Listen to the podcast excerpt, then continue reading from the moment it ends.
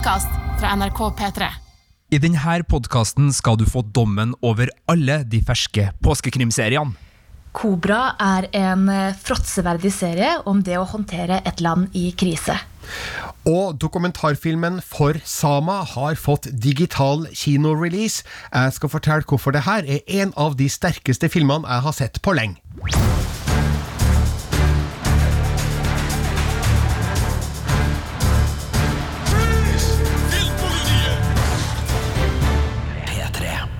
Ja, Riktig velkommen til en ny podkast fra oss i Filmpolitiet. Birger Vestmo, Sigurd Vik og Miriam Folland.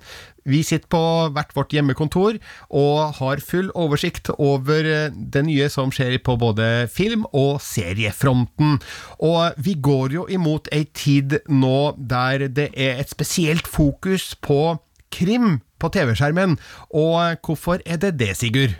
Påsketid i Norge, og det her har jeg forstått på eh, spesielt eh, de som driver med strømmetjenester, er et ganske særnorsk fenomen, men vi elsker da krimserier i denne høytida. Vi får ikke nok, og det er tradisjon at eh, spesielt da de lineære TV-kanalene, med NRK og TV2 i spissen, serverer opp litt kvalitetskrim, gjerne britisk, i høytida, sånn at vi får dosen vår, vi som er glad i etterforskninga og ikke minst mordmysterier. Ja, Miriam, har du noe tradisjon for å se ekstra mye på krim i påska? Å, ikke i det hele tatt, egentlig. Jeg, nei, jeg har, den påskekrimgreia har flydd meg litt uh, forbi. Jeg er ikke egentlig så veldig sånn, på sånn type britisk krim generelt, så nei.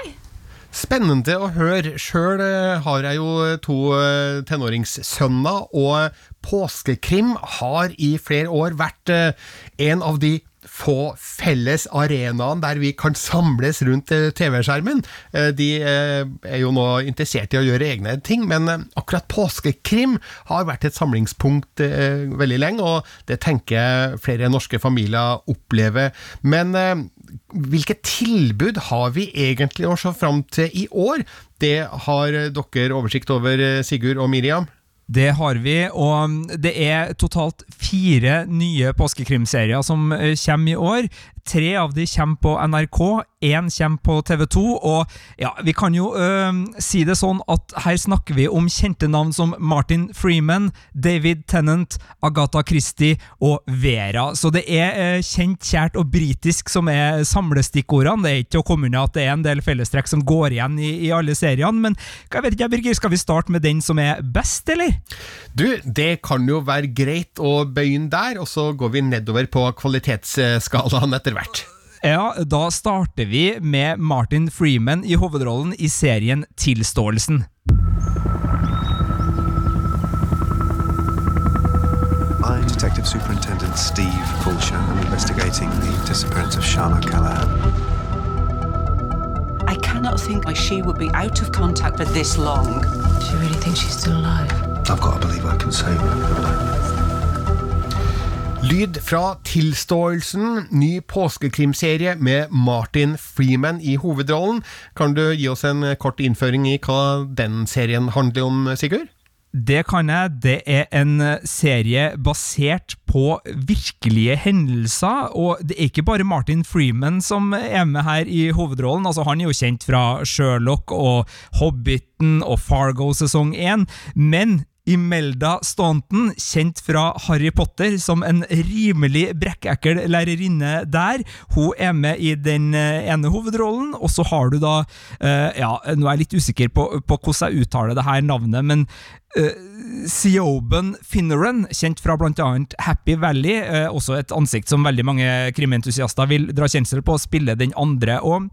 det her er en serie som tar for seg en uh, sak fra 2011 i uh, Swindon i England, hvor uh, en ung kvinne forsvant. og Vi følger da etterforsker Steven Fulcher, som har ansvar for denne etterforskninga, spilles av Martin Freeman. og Det er en etterforskning som både fører til at de innser at det er ikke bare én kvinne som har forsvunnet her, det er nok flere forbrytelser man skal jakte på. Og så har den også et juridisk etterspill som er veldig spennende, som handler om en lov lovgivning i England som handler om når man har lov til å følge opp et spor uten å arrestere noen, eller når man da ikke har lov til å følge opp et spor før man skal arrestere noen. Så det er da snakk om man skal ta dem med inn til stasjonen og lese opp rettigheter og la dem få advokat, eller om man kan fortsette å pushe på da i, i etterforskninga. Så her har man både god etterforskning, man har en uh, saftig juridisk uh, bit. Det oser jo litt sånn true crime når det er basert på virkelige hendelser og ligger såpass sobert og realistisk uh, spilt. Det her er regissert av en av Broadchurch-regissørene, så det er også kvalitet i, i det leddet. Og så er det jo ikke til å komme unna at Martin Freeman er en skuespiller som, som mestrer det her litt sånn ikke stakkarslig, men ganske sånn nedpå politibetjent som ikke bare får til alt. Altså, det kan Martin Freeman. Så, så det her er en veldig god krim, som både leverer som krim, men også er interessant da som en serie, en dramaserie fra virkeligheten, om du vil. Vi snakka jo om eh, Martin Freeman i forrige ukes podkast eh, som en av de skuespillerne som alle liker i absolutt alt, sammen med Jason Bateman og Tom Hanks. Eh, men Så er jeg helt med på at han er en god grunn til å se denne serien, men når du snakker om juridiske spissfindigheter, så føler jeg at jeg tenker ja, det hørtes ikke veldig spennende ut, da. Men hvorfor er det allikevel interessant? Det er interessant fordi det her treffer jo rettferdighetssystemet til publikum eh, vel så mye som det treffer rettferdighetssystemet i England. Altså, det er jo veldig vanskelig å um, land helt sånn 100% på hva som er riktig og hva som er feil når det gjelder sånne ting. Og det blir jo liksom sånn fra sak til sak. Og denne saken så sitter man jo med en sånn magefølelse av at fy søren, dere feige politisjefene og dere feige advokatene, fy søren, altså, de må jo skjerpe seg. Så du, så du, blir følelsesmessig engasjert, da, og det er jo det som gjør at også andre halvdel av denne krimserien, som er på seks episoder, uh, fenger. Men det er klart, de første tre episodene hvor sjølve uh, etterforskninga foregår, er den mest meddrivende, men jeg syns likevel at de klarer da å spille ut etterspillet, som, som varer over flere år, uh, på en måte som gjør at jeg er godt engasjert. Og øh, det er ikke til å komme unna at de har uh, valgt gode skuespillere og, og, skrudd til rollefigurene litt, vil jeg tro, da, selv om man skal ikke underkjenne virkelighetens personer, så, så, er det jo noe med at han personen som ender opp som skurken, han han, han uh, har noen uh, kvaliteter som uh, skal, Nevemagnet kan kanskje være et, et stikkord her. Du, du, du, blir litt provosert. Du blir det. tilbake til Martin Freeman, som vi jo da, som sagt, elsker i alt. Men jeg så bilder fra Tilståelsen, altså den nye serien, og her ser han ut som Martin Freeman. Han, han ser nøyaktig lik ut som i alt annet han er med i. altså kan Martin Freeman bli litt for lik seg sjøl her? Eh, det er et interessant uh, aspekt, det. Altså, han uh, ligger jo her i en litt sånn nedstrippa versjon av sine um, mest kjente rollefigurer. Altså, han har jo en del fellestrekk som går igjen i både Watson, til en viss grad Bilbo Baggins, og, og også hovedpersonen i, Fargo.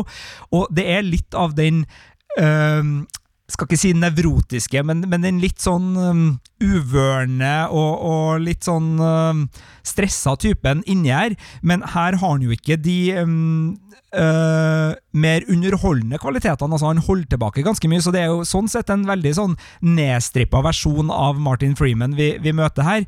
Men han har en menneskelighet, og den klarer han å, å, få fram, så du er veldig engasjert i rollefiguren. Og så er det fint fordi han spiller en rollefigur som uh, spesielt Hollywood, men også uh, TV-serieunivers generelt, er veldig glad i å bygge opp som en tydelig helt. Det velger tilståelsen å holde tilbake på. altså Han er ikke usympatisk og fæl, men øh, politihelt dyrkelsen er, er, på en armlengdes avstand her, og, og, man ser også en del trekk ved denne rollefiguren som er ikke usympatisk, men som, som er eh, dårlig egnet til å, å få oss begeistra, uh, både på hjemmebane og i yrkessammenheng. Så, så, sånn sett så er det en serie som eh, har stor realisme og troverdighet også i, i den biten, og mye av det kommer jo gjennom Martin Freeman, som klarer å også øh, lykkes med skuespillet sitt i, i den kategorien. Jeg føler at jeg skal se Tilståelsen. Den har da premiere på NRK1 eh, på søndag klokka 21.45. Eh, Men så kan man òg da se alle episodene i NRK TV hvis man vil binge alt på samme kveld. Eh, Du nevnte Broadchurch eh, som en referanse her, fordi det er samme regissør på begge seriene. Og David Tennant spiller jo i Broadchurch, og han møter vi også i en annen påskekrimserie, Sigurd. Det gjør vi. Han spiller hovedrollen og er den store stjernen i Deadwater Fell. This was locked. She had issues. I got her help. Did you see she had it in her to do something like this? Did you? We're not have a nice time just for one day. Always have to be about you. Come on, kids. We're just gonna get in the car. Is everything you said here a lie? Deadwater Fell er altså en annen påskekrimserie som kommer på NRK1 eh, onsdag 8. april. Og eh, hvor skal vi her, Sigurd? Eh, Jeg tror faktisk vi er i Skottland. Eh, Det er landsbykrim, det her. Og eh, vi starter i en veldig sånn idyllisk setting hvor to familier er sosiale i lag. De har små barn. De virker å ha det veldig trivelig, drikker vin og spiser god mat og har det så bra sammen. Og så skjer det da en tragedie, en, en husbrann, rett og slett, som rammer den ene familien, og det er familien hvor David Tennant spiller da Tom Kendrick, familieoverhode og, og far der. Eh, og han er den eneste som overlever, og så viser det seg da at det som ser ut til å være en tragedie, eh, kanskje ikke er en tragedie, men en mordbrann. Eh, og den her idylliske landsbyen er kanskje ikke så idyllisk likevel. Her er det ispedd en god porsjon psykologisk thriller, litt utroskap og masse saftige intriger. Så det er en krimserie som, som treffer i krimkategorien, men det her er i likhet med tilståelse en litt annen type britisk krim. Det er ikke en sånn reindyrka etterforskningssak, men eh, den har selvfølgelig Who's Done It i, i sentrum, og David Tennant eh, er jo da den som eh, bærer mye her. Han eh, har jo vist både i eh, Jessica Jones, da kanskje spesielt, eh, at han eh, tåler å være eh, ufordragelig på skjerm, og, og her, Birger og Miriam, her får David Tennant eh, være relativt ufordragelig på skjerm. Men du skriver da på P3NO Filmpolitiet at eh, den, den store magekriblinga dessverre uteblir. Hvorfor det? Nei, man skal jo ikke si så mye om siste episode når man snakker om eh, krimserier, men den eh, er ganske eh, Skal ikke si såpete, men, men den har en, en hang til, til melodrama i denne serien. eh, og en del av miljøskildringene blir litt sånn fattige. Altså Når du skal vise fram en ungdomsgjeng på skråplanet, så sitter de på skateboard eller er på huska, og, eh, og det er litt sånn eh, enkelt i, i flere lag her, og det er en del eh, sånn eh, full på puben-scener som, som virker å, å tilhøre en, en mer eh, såpete dramaserie enn det man forventer av en prestisjekrim fra Channel 4 i, i Storbritannia, spesielt med, med David Tennant i, i hovedrollen. Så det er et spenn her da mellom en glimrende skuespiller og en del krimelement som virkelig fenger, og gjennomføringa som blir litt flat og forutsigbar i, i flere ledd. Serien heter altså Deadwater Fell og har premiere på NRK1 onsdag 8. april på kvelden 21.20. Eh, Men du kan også se alle episodene av den serien i NRK TV. Eh, Nå er jeg spent på hvor vi skal videre. Jeg tror vi holder oss på, på NRK, altså, fordi selv om det er Vera og Agatha Christie som står igjen nå, så tror jeg sånn terningkastmessig at vi, vi lar Vera faktisk i sin tiende sesong uh, være den tredje beste påskekrimmen i år. I think he's telling the truth.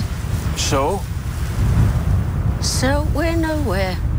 The middle of nowhere. I want a thorough search of the surrounding area. Does that include Cumbria? Cumbria? Never heard of it.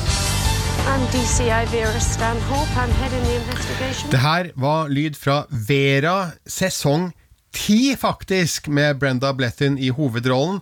Jeg har ikke sett noen av de første ni, så jeg lurer på, kan man hoppe rett inn i tieren her, eller eh, mister man eh, mye av eh, grunnlaget? Uh, Gladsak. Uh, du kan hoppe rett inn i tieren, uh, hvis det er lov å si. Uh, nei da, her er det så tradisjonelt og britisk og lunt og hyggelig og i god Ja, det er jo en gammel referanse, begynner å bli, men Detektimen på NRK er vel det store stikkordet her, for det her er en type serie som vi kjenner fra Poirot, vi kjenner fra Burjack, vi kjenner fra Foils War osv., osv. Det her er den gode, gamle britiske episodekrimmen, samlebåndskrim, om du vil. Uh, og kvaliteten er ikke på Poirot-nivå, uh, men uh, Brenda Bletin har skapt en rollefigur her med Vera som både er den der litt sånn Colombo-aktige etterforskeren som alltid pirker litt mer. Hun er veldig lun, hun har et nydelig humør, hun er vittig, og jeg merker at disse 90 minutter-episodene, som det kommer fire av da i Vera sesong 10, de er akkurat eh, det der tradisjonspåfyllet som man eh, forventer i påska. Så hvis du er påskekrimpurist, så er det Vera som er det beste tilbudet i år. Det er den som ligger nærmest det du har likt før. Eh, så er det ikke til å komme unna at det her er sesong ti av en serie som i utgangspunktet ikke var veldig original, men det er mange som liker Vera veldig godt, og uansett om du liksom er storfan eller bare trenger en liten sånn krimbolk, så er det her solid solid sjangerpåfyll, og jeg må ærlig innrømme at jeg er sjarmert, og, jeg trives litt med, med Vera på, på TV-en i påska. Jeg er ikke sånn så fan at jeg nødvendigvis setter på det her når som helst, men akkurat i påska nå så syns jeg det passer veldig godt uh, sånn uh, Ja ja, nå har jo ikke jeg noe peis å, å fyre opp i, men, men, for dem som har det, altså den, den, den treffer godt på, på kveldstid, den her. Eh, kan jeg la fordommene mine slippe løs her, og tenke at eh, Vera sesong 10 sikkert er en mye bedre serie for foreldregenerasjonen vår, eller eh, kanskje til og med besteforeldregenerasjonen, enn for de unge sprekke? Ja, Det er lov å ha fordommer, Birger. Jeg vet at uh, Sven Nordin, skuespilleren, uh, han er veldig glad i, i, Vera, og han er vel i foreldregenerasjonen, hvis vi skal si det. Men jeg tror nok at det er mange, uansett alder der ute, som, som er glad i, i, Vera, fordi den har uh, Altså, den er enkel og god. Altså, det her er en serie som vet hva den er. Den har ikke ambisjoner utover å gjøre akkurat det den er, bygd for, uh, men uh, den kan håndverket sitt, og, den leverer for dem som, uh, som liker lun, tedrikkende Altså, kan jeg gi deg en kopp te? er liksom uh, nesten uh, catchphrase her, og hun sier 'love' etter hver eneste uh, altså, setning, omtrent, uansett om det er en uh, hardbarka forbryter eller en kollega som trenger litt trøst, så, så det er noe, noe, veldig britisk og fint med, med Vera. Vera sesong 10 kan du altså da se på NRK1, premiere fredag 10. april klokka 21.55, eller alle episodene i NRK TV. Vi må vel nesten forlate NRK nå og konsentrere oss om ting som skjer hos eh, vår eh, største konkurrent, kan vi si det, TV 2. Og, men der møter vi også en gammel kjenning, Miriam. Hvem da? Ja, dronningen av krim, kan man si det. Agatha Christie, kjent og kjær eh, forfatter av krim, som mange er veldig glad i, eh, bl.a. hennes eh, Poirot-fortellinger. Eh, vi skal ikke til Poirot denne gangen, men eh, en eh, filmatisering av boken som heter Den fjerde rytteren, eller The Pale Horse.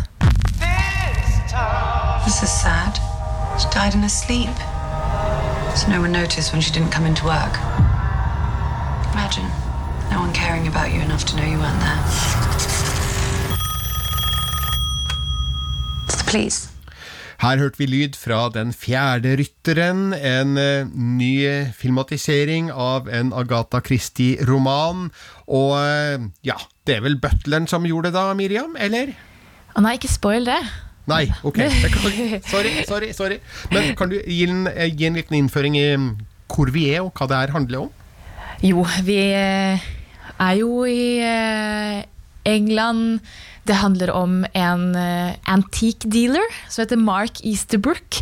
Som uh, egentlig lever et, uh, det gode liv. Han har mye penger, høy status.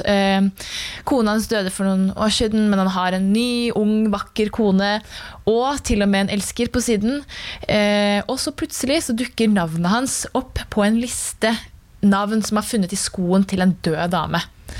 Eh, og når da de andre på listen begynner å dø, så eh, blir livet hans satt på hodet. Da. Både fordi han prøver å finne ut hva som skjer, eh, hva, om han er neste, og i tillegg til at han også blir da sett på som en av eh, mistenkte til da denne døde kvinnen.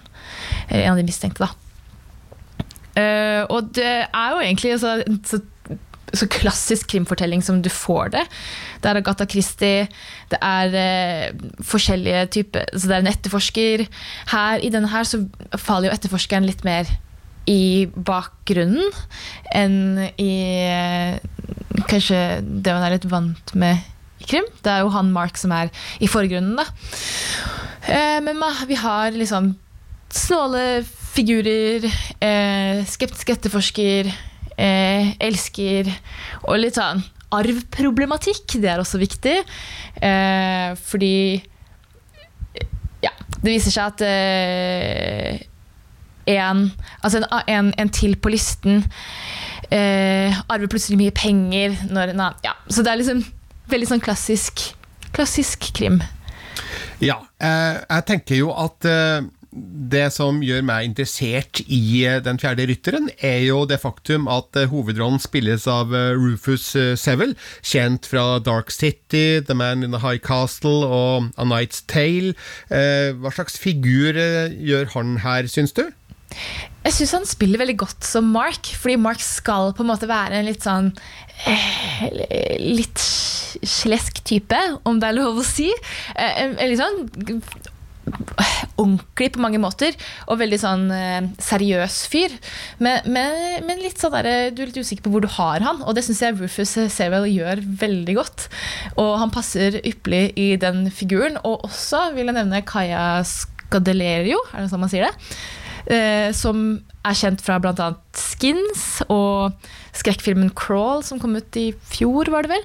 Eh, som spiller da hans nye kone. Hun, begge de to gjør veldig gode roller, og det er jo egentlig de som eh, gjør at det, denne krimmen blir bra. Fordi de eh, lager veldig sånn engasjerende figurer.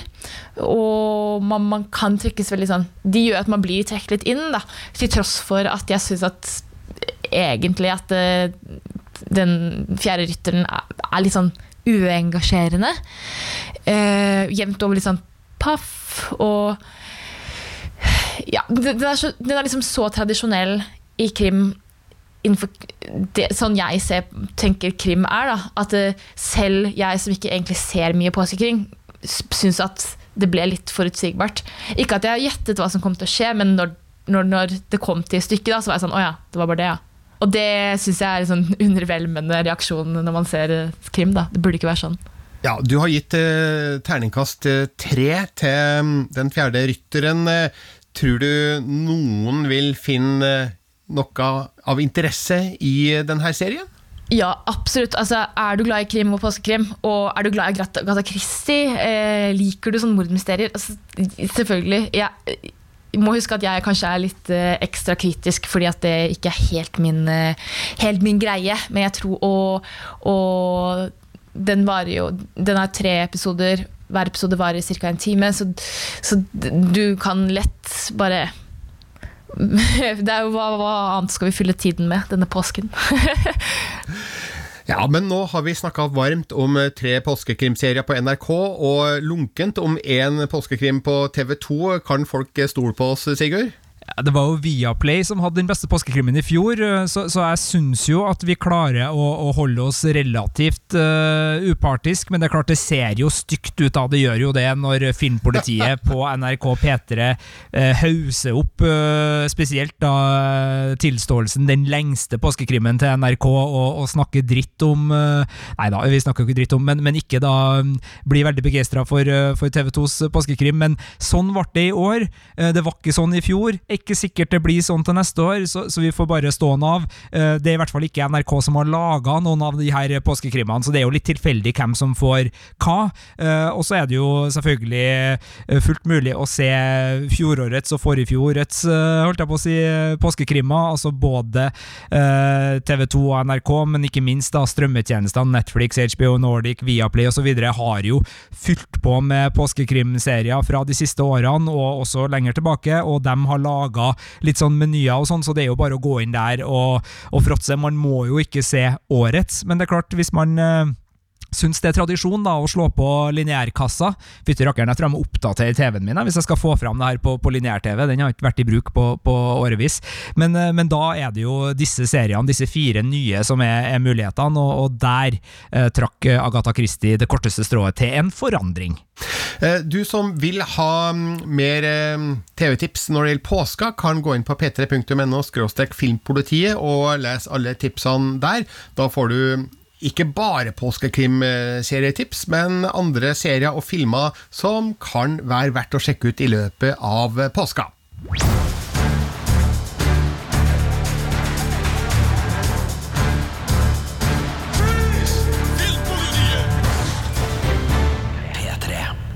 Da skal vi over på en ny serie som ikke er påskekrim, men som kan være verdt å sjekke ut. Og den har du sett, Miriam.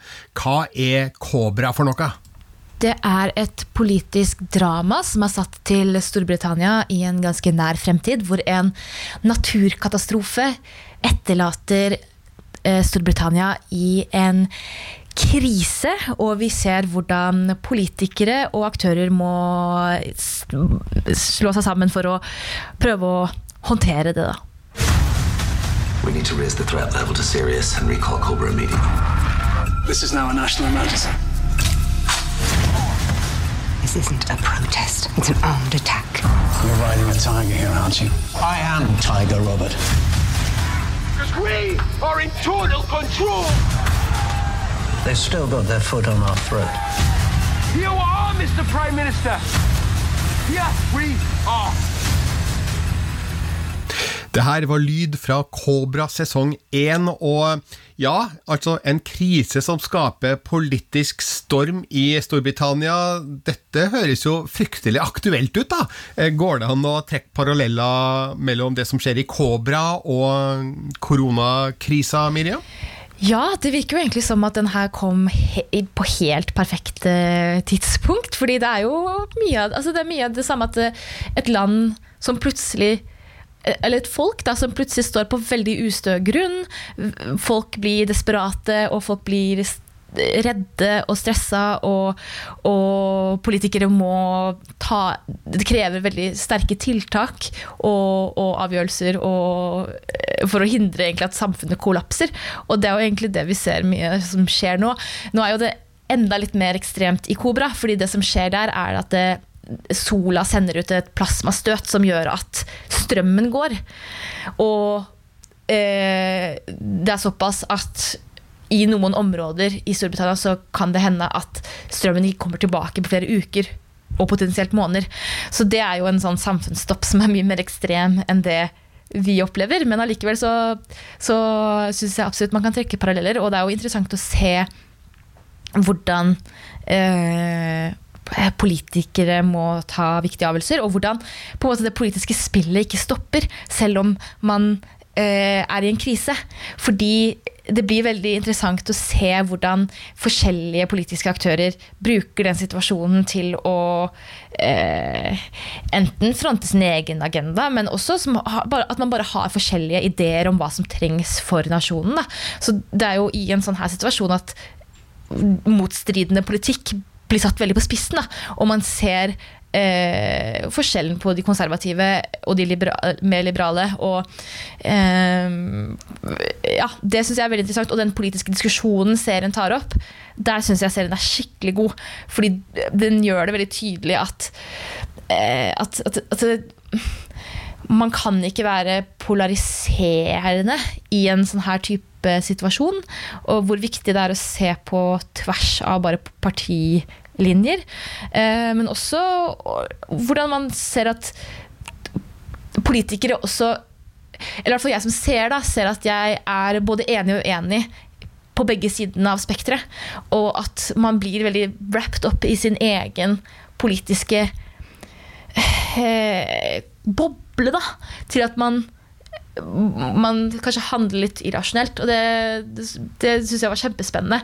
Men det som jeg syns kanskje serien der igjen jeg trekker serien for, da, er at den ikke tør å lene seg nok på det her. Den tør ikke å, å, å satse på at det her er nok kjøtt på beina, og liksom denne politiske konflikten. Eh, eller bare det å se hvordan folk reagerer på en sånn her krise. Fordi det virker som at de følte at de måtte putte inn veldig mye sånn privatlivdrama i tillegg. Og ikke at det liksom nødvendigvis hadde vært eller trenger å være dårlig, fordi det kan være interessant å se hvordan politikere også blir påvirket av ting som skjer i personlivet når de tar viktige avgjørelser. Men jeg syns at i Kobra så blir de, de privatlivssituasjonene så overdrevne. Det blir liksom sånn worst case scenario. Hva er det verste som kunne skjedd i livet ditt? Og det skulle skje akkurat samtidig som den krisen her. Uh, og, gjør, og, så skjer det med forskjellige, uh, forskjellige, figurer. Alle havner opp i en veldig sånn stor livskrise. Og, livs, og, det, og, det, virker sånn at det liksom nesten grenser til at det blir sånn melodramatisk. Og det syns jeg er synd, fordi da, da blir det liksom plottet litt mer sånn tilfell, At det er tilfeldigheter som styrer hva som skjer. Uh, ja. Så, så i, i motsetning til kanskje sånn F.eks. Uh, Years and Years, da, hvis dere har sett det? Nei, jeg har ikke sett Years and Years. Har du, Sigurd? Jeg har sett Years and Years. Den er jo veldig tydelig på at det er premisset som eskalerer og som driver konfliktene framover, og ikke tilfeldigheter, vil jeg si, i hvert fall uh, sånn i innledende fase. Ja, akkurat. At det er motsatt. Eh, eh ja, at det er liksom premisset for historien. Eh, og så ser man hvordan folk reagerer på det, i stedet for at eh, personlivet deres driver premisset fremover.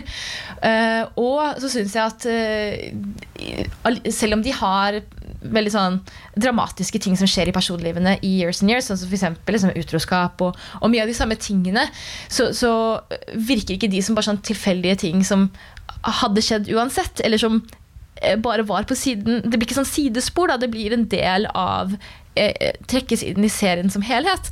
Og det syns jeg ikke det gjør i Kobra. Men det gjør jo definitivt at den blir veldig spennende. da Det er jo dritspennende med liksom utroskap og eh, Jeg skal ikke spoile for mange plottpoeng, men, men det gjør jo at melodrama er jo gøy, liksom. Men jeg syns at det trekker for liksom kvaliteten som en politisk eh, politisk thriller eller politisk drama. Da. Og jeg syns at de kunne lent seg mer på det. Men altså spennende serie. Og jeg synes at eh, jeg kaller den jo fråtseverdig. Og det er jo fordi at den kan Jeg syns at den kan slukes. Fråtseverdig eller fråtseverdig? Eh, fråtsverdig. Binge-worthy. Men jeg lurer på én ting, Miriam. altså Hovedrollen som eh, statsminister eh, Robert Sutherland spilles jo av Robert Carlyle, og han er jo mest kjent for sine gærne 90-tallsroller. Tenker på rollen som Gass i eh, The Full Monty, eller i Blanke Messingen, som den het. Begby i Trainspotting 1 og 2, og skurken Renard i Bond-filmen The World Is Not Enough. Jeg ser liksom ikke helt for meg Begby som uh, britisk statsminister. Hvordan er Robert Carlyle i den rollen, syns du? Du, Han er veldig overbevisende. Jeg, jeg, jeg synes også Han er noe av det En av de liksom, kuleste tingene også med serien er han er skikkelig overbevisende. Han er jo leder for det konservative partiet eh, i Storbritannia.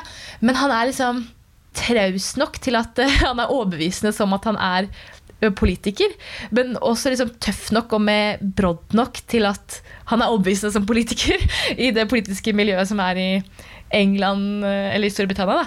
Uh, og dette, de gjør referanser til brexit i den serien, så derfor jeg antar at den er på en måte satt i en liksom, nær fremtid. Og eh, han er veldig god. Han har en tyngde, og han er veldig overbevisende. Og spesielt sammen med da eh, Victoria Hamilton, som spiller da hans eh, sta, sjefsstab... eh, Hva heter det? Eh, chief, chief, of stab. Som er liksom hans høyre hånd. Da. De to spiller kjempegodt sammen. og ja, han er veldig, sånn, veldig presidential, eller uh, prime ministerial, uh, hvis man kan si det. Det høres veldig godt ut. Nå kan man altså se den første sesongen av Kobra på Seymour og TV2 Sumo fra og med søndag. Ja, eller man kan se to episoder, og så kommer det en episode i uka fremover. Det er sånn det er, ja. Flott, Miriam, for den korreksen. Og så um, vet vi at uh, Sky One i England, som um, er denne seriens hjemsted, har bestilt en sesong to. Uh, så jeg vet ikke, er du, klar, er du klar for enda mer av det her, Miriam? Ja, det kan, det, jeg tror det kan bli interessant, for den spenner seg over veldig sånn kort tidsperiode Eh, etter at den krisen, eller under den krisen her. Så det å se hvordan et land er i kjølvann av en sånn krise, det kan jo være spesielt interessant eh, eh, for oss som lurer litt på hvordan vårt eget land kommer til å være i kjølvannet av den krisen vi er i nå. Så ja, det syns jeg høres spennende ut. Kanskje tone ned på melodrama, da, bare. Ja, Det sitter allerede nå helt sikkert noen og planlegger den første koronafilmen eller koronaserien. ja. Er du åpen for det, Sigurd? Eh, jeg tror første koronafilmen allerede har kommet faktisk i Canada. Jeg vet ikke om budsjett og har ikke fått sett den ennå, men jeg syns jeg så noen nyheter i feeden min om at det allerede da har kommet en uh, fort og gæli koronafilm som ble spilt inn nå, jeg tror enten i slutten av februar eller noe sånt. Uh, så nei da, vi, vi, skal nok få dosen vår av kriseberedskap og katastrofe og, og virussaker også framover. Men det er klart, jeg tenker jo for manusforfattere som har det konkrete opplegget med med å skulle skrive Kobra sesong to, så må de jo få ekstremt mye stimuli av det som Storbritannia er inne i nå, og sikkert Ja, det er jo noe med at House of Cards visstnok liksom tapte seg fordi Trump ble valgt, og dermed så var virkeligheten mer underholdende enn fiksjonen plutselig, og deres uh, sesong fisla ut. Det kan jo være selvfølgelig det samme problemet for Kobra, så de må jo uppe gamet sitt da, hvis de virkelig skal, skal framstå som uh, fiksjon som er annerledes enn en hverdag. Her i Filmpolitiets podkast skal vi bevege oss fra fiksjon over til virkeligheten. بحلب مدينتي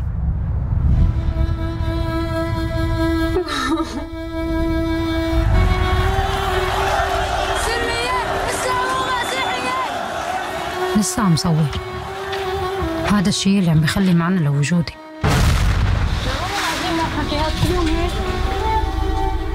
ما حدا منا كان عنده أي فكرة؟ كيف رح تتغير حياتنا للأبد؟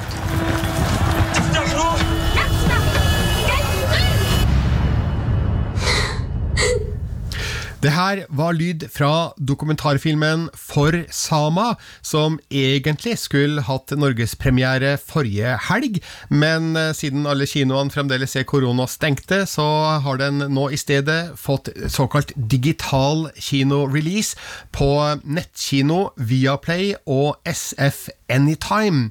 Og det her er en av de sterkeste filmopplevelsene jeg har hatt på veldig lenge. Fordi vi blir tatt med til Aleppo i Syria, midt i den eh, verste delen av borgerkrigen. Eh, det er da en eh, film laga av journalist Wad al-Khatab, som er gift med en lege som driver et av Aleppos provisoriske sykehus.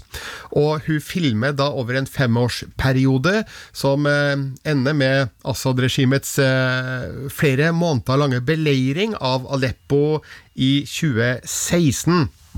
Og det er en, eh, en sterk, sjokkerende, gripende, provoserende film som eh, viser oss eh, livet i skyggen av krigen hvordan eh, den lille familien prøver å opprettholde et slags familieliv, mens de stadig vekk må ned i kjelleren fordi byen bombes hver eneste dag. Og vi ser også da de horrible skadene som alle pasientene kommer inn med, og det gjelder både barn, det gjelder voksne, og det er da en kameralinse som er nært på mye, og eh, det er noen inntrykk her som er så sterke at uh, altså, Da jeg så filmen, så hadde jeg litt problemer med å ta det inn over meg, fordi ja, jeg stengte av på en måte. Jeg følte i hvert fall at jeg stengte av, men uh, Den sitter i ryggmargen, og det gjør vondt å se for Sama, og det skal det også gjøre. Eh, det er jo en film som eh, har flere likhetstrekk med en eh, annen dokumentar som gikk på kino nå nylig, nemlig The Cave. Den så jeg ikke, men det gjorde du, Sigurd. Og den, den ligner veldig på For Sama. Det er litt av den samme historien som fortelles, er det ikke? Jo, den har eh, mange likhetstrekk. Eh, I The Cave så følger vi en doktor som heter Amani Balor, eh, som jobber da på et sykehus som er trukket under jorda, og som dermed da har fått kallenavnet The Cave. Og det er et kamerateam som plasserer publikum rett i, i krigssonen her, og vi er med da i uh, livet på sykehuset, som da er under flere Eh, ja, vedvarende angrep da, under den syriske borgerkrigen. Så det er en uh, film som er veldig tett på, som ikke er veldig uh, opptatt av å vise fram årsakene til krigen eller bakgrunnen, eller ta veldig mye skyts mot uh, ulike aktører der, samtidig som det er ikke noe tvil om hvilken side den for så vidt er på. Men det er et, uh, en veldig nær skildring, da, og det er jo grusomt å se leger liksom pirke gjørme ut av luftveiene til små barn som har opplevd å, å, få bomber sprengt i, i nærheten av seg. Det er snakk om kjemiske våpen, og, og folk vet vet ikke hva de står overfor. Og, og ja, nei, det, det, er også en dokumentar som, som river i, i mellomgulvet, og som er, du sa det jo, altså det er vanskelig å ta inn over seg for oss som, som har levd i, i fredstid. og uh, ja, nei, det, det, er veldig vondt, samtidig som den har en enorm varme og viser fram en medmenneskelighet og humør og, og hverdagsliv og små bursdagsfeiringer ikke sant? og alt det der som vi trenger, vi mennesker, for å prøve å få livet til å ha en viss sånn uh, balanse oppi alt. Så jeg tror nok uh, filmene er, er like, men det høres jo ut som Eh, for Sama kanskje er eh, enda mer eh, i, i en familiesituasjon og, og fange opp litt andre sider, da, og ikke minst så er jo beleiringa av Aleppo sentral her. Kan jo nevne at regissør Feras Fayad, som da regisserte The Cave, også laga dokumentarfilmen Last Men in Aleppo, så det er jo flere likhetstrekk her, både med områder de jobber fra, og historier de forteller. Ja, eh, det høres jo ut som at eh, det her er to søsterfilmer, egentlig. da. Eh, Sama gjør mye av det samme som um, The Cave gjør. Og jeg bør kanskje si hvem Sama er. Det er jo da den lille dattera til Wad al-Khatab og hennes uh, legeektemann Hamsa, som blir født midt under borgerkrigen, og som er veldig, veldig liten. Og det er jo en film som er stila til hun. Uh, Wad al-Khatab har jo en fortellerstemme her, som uh, konsekvent konsekvent snakke til dattera si, og hun gjør jo det her for å forklare dattera hvorfor de har valgt som de har gjort, hvorfor de har valgt å bli i Aleppo og kjempe og redde uskyldige ofre for denne krigføringa. Og eh, det gir jo filmen et veldig personlig preg, eh, for eh, i hvert fall for min del, så, så begynner jo tankerekka å spinne rundt eh, hva ville jeg sjøl ha gjort, og hvilke valg hadde jeg kommet til å tatt i en lignende situasjon. Og det kan jeg selvfølgelig ikke gi noe svar på, for vi bor jo i et av verdens aller, aller tryggeste land. Men eh, jeg blir jo fylt av Uh, uh, jeg blir veldig imponert over uh, at de tør bli der, at de tør utsette seg sjøl og sin datter for eh, den farlige situasjonen det er å bo der, når de har faktisk muligheten til å flykte fra byen. På et tidspunkt så er de til og med i Tyrkia på besøk, men velger allikevel å dra tilbake til Aleppo når situasjonen der blir kraftig forverra, og eh, de forstår at eh, det er behov for dem på dette provisoriske sykehuset. Og der er det da en rekke forferdelige scener som vi blir utsatt eh, for. Altså, hele filmen er ikke sånn, men tidvis så er det her sterke inntrykk. og Eh, noe av det som gjorde mest inntrykk på meg, er en scene der eh, to små gutter kommer inn med, med lillebroren sin, eh, som da er blitt eh, skada i et missilangrep. Eh, han, er jo, han er jo død, viser det seg, og filmen viser jo da hvordan de står og hulker over sin drepte lillebror. Og en annen scene, der ser vi foreldre som da høylytt sørger over eh, sin unge datter, som, eh, som døde da de forsøkte å flykte fra byen, og de, de roper ut sin nød over at de ikke greide å, å redde hun. Og så ser vi da en, en eh, veldig sterk scene der en høygravid kvinne kommer inn. Hun har blitt truffet av eh, en granatsplint. Eh, det må utføres et akutt keisersnitt, og ja, altså kameraet viser nøyaktig åssen det foregår. Og etterspillet der, som jeg ikke skal avsløre, det er, det er utrolige inntrykk, og man føler jo at man virkelig er midt oppe oppi eh, hverdagen i Aleppo, slik det utspant seg da i tidsrommet 2014-15-16. Eh, det er hard kost, og kanskje ikke noe som alle har lyst til å se, men eh, man får virkelig et virkelighetsnært bilde av hvordan de hadde der på den tida. Og det er jo flere som har satt pris på denne filmens kvaliteter, for Salma ble nominert til Oscar. Den eh, vant en eh, pris under den britiske BAFTA-utdelinga, og eh, jeg har gitt terningkast seks til For Sama. Eh, en av de sterkeste filmene jeg har sett på veldig, veldig lenge, og etter alt jeg har sagt om den, Får du lyst til å se den, eh, Miriam, eller får du mest lyst til å holde deg unna? Ja, jeg får jo litt lyst til å ikke se den, men kanskje det er derfor man bør også. Det føles jo litt feigt å ikke gjøre det fordi det høres, høres, så forferdelig ut. Men det høres jo utrolig rystende ut. Det er absolutt det det er. Det man uh, kanskje kan være klar over, er jo at uh, dette er jo ikke en objektiv dokumentarfilm, for den er jo åpenbart fortalt fra Wad al-Khatabs synsvinkel. Hun er subjektiv og legger jo ikke noe skjul på, på, det. Så den som ønsker å se en dokumentarfilm som uh, prøve å skape en likevekt eh, her mellom partene i den borgerkrigen. De må lete andre steder.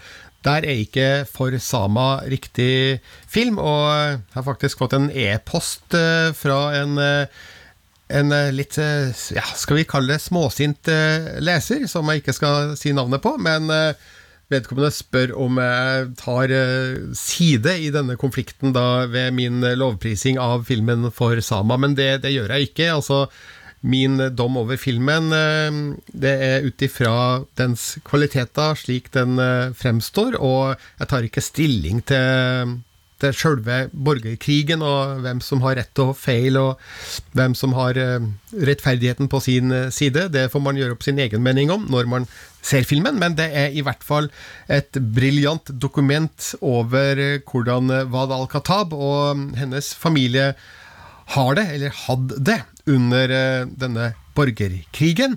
Og så eh, får du se filmen sjøl for å finne ut eh, hva som egentlig skjer med dem. Det er på alle måter en imponerende dokumentarfilm som er utrolig godt laga. Den har en veldig god dramaturgi. Den er basert på et råstoff som vitner om at Wad al-Khatab har et godt blikk, og hun er en observant eh, fotograf. Og det er en film som veksler mellom å vise beleiringa av Aleppo i 2016 med jevnlige tilbakeblikk på hvordan denne borgerkrigen starta, og hvordan den utvikla seg. Så dette er sterkt så det holder, og igjen, terningkast seks. Det var helt åpenbart rett etter at jeg så filmen at den måtte få høyeste karakter. Så hvis man har lyst til å se for Sama, så har den altså nå fått digital kino-release på nettkino og SF Anytime og Viaplay.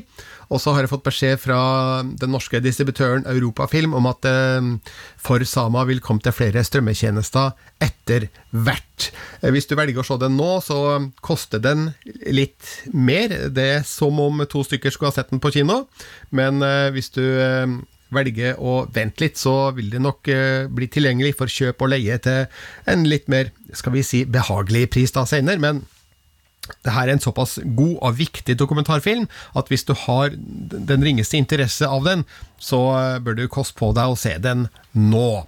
For Sama, altså. Og da er denne podkasten over, og vi sier takk for følget. Vi er tilgjengelig på p3.no Filmpolitiet. Du finner oss på Instagram og Twitter, og så kan du sende oss e-post på filmpolitiet alfakrøll nrk.no om du har et spørsmål eller en kommentar. Vi som har vært her, er Birge Vestmo, Sigurd Vik og Miriam Folland. Og du, Miriam, du skal takke for deg Filmpolitiet, for nå er ditt vikariat over. Hvordan har det vært å være med oss, syns du? Å, det har vært kjempegøy. Det har vært skikkelig skikkelig gøy og spennende og morsomt. Og det blir trist å takke for meg, men uh, sånn er det. Og det har bare, jeg har bare uh, kost meg masse. Og jeg er veldig takknemlig for at jeg har fått være her. Og det har vært veldig hyggelig å ha deg hos oss i Filmpolitiet, og hvem vet, kanskje vi får høre mer fra deg ved en senere anledning. Men nå er det punktum finale for denne podkasten. Ha en fortsatt fin dag, uke og måned og år. NRK Radioteatret. Må ut. Multiple targets across the street. They know you're there. Get out. Exiting now.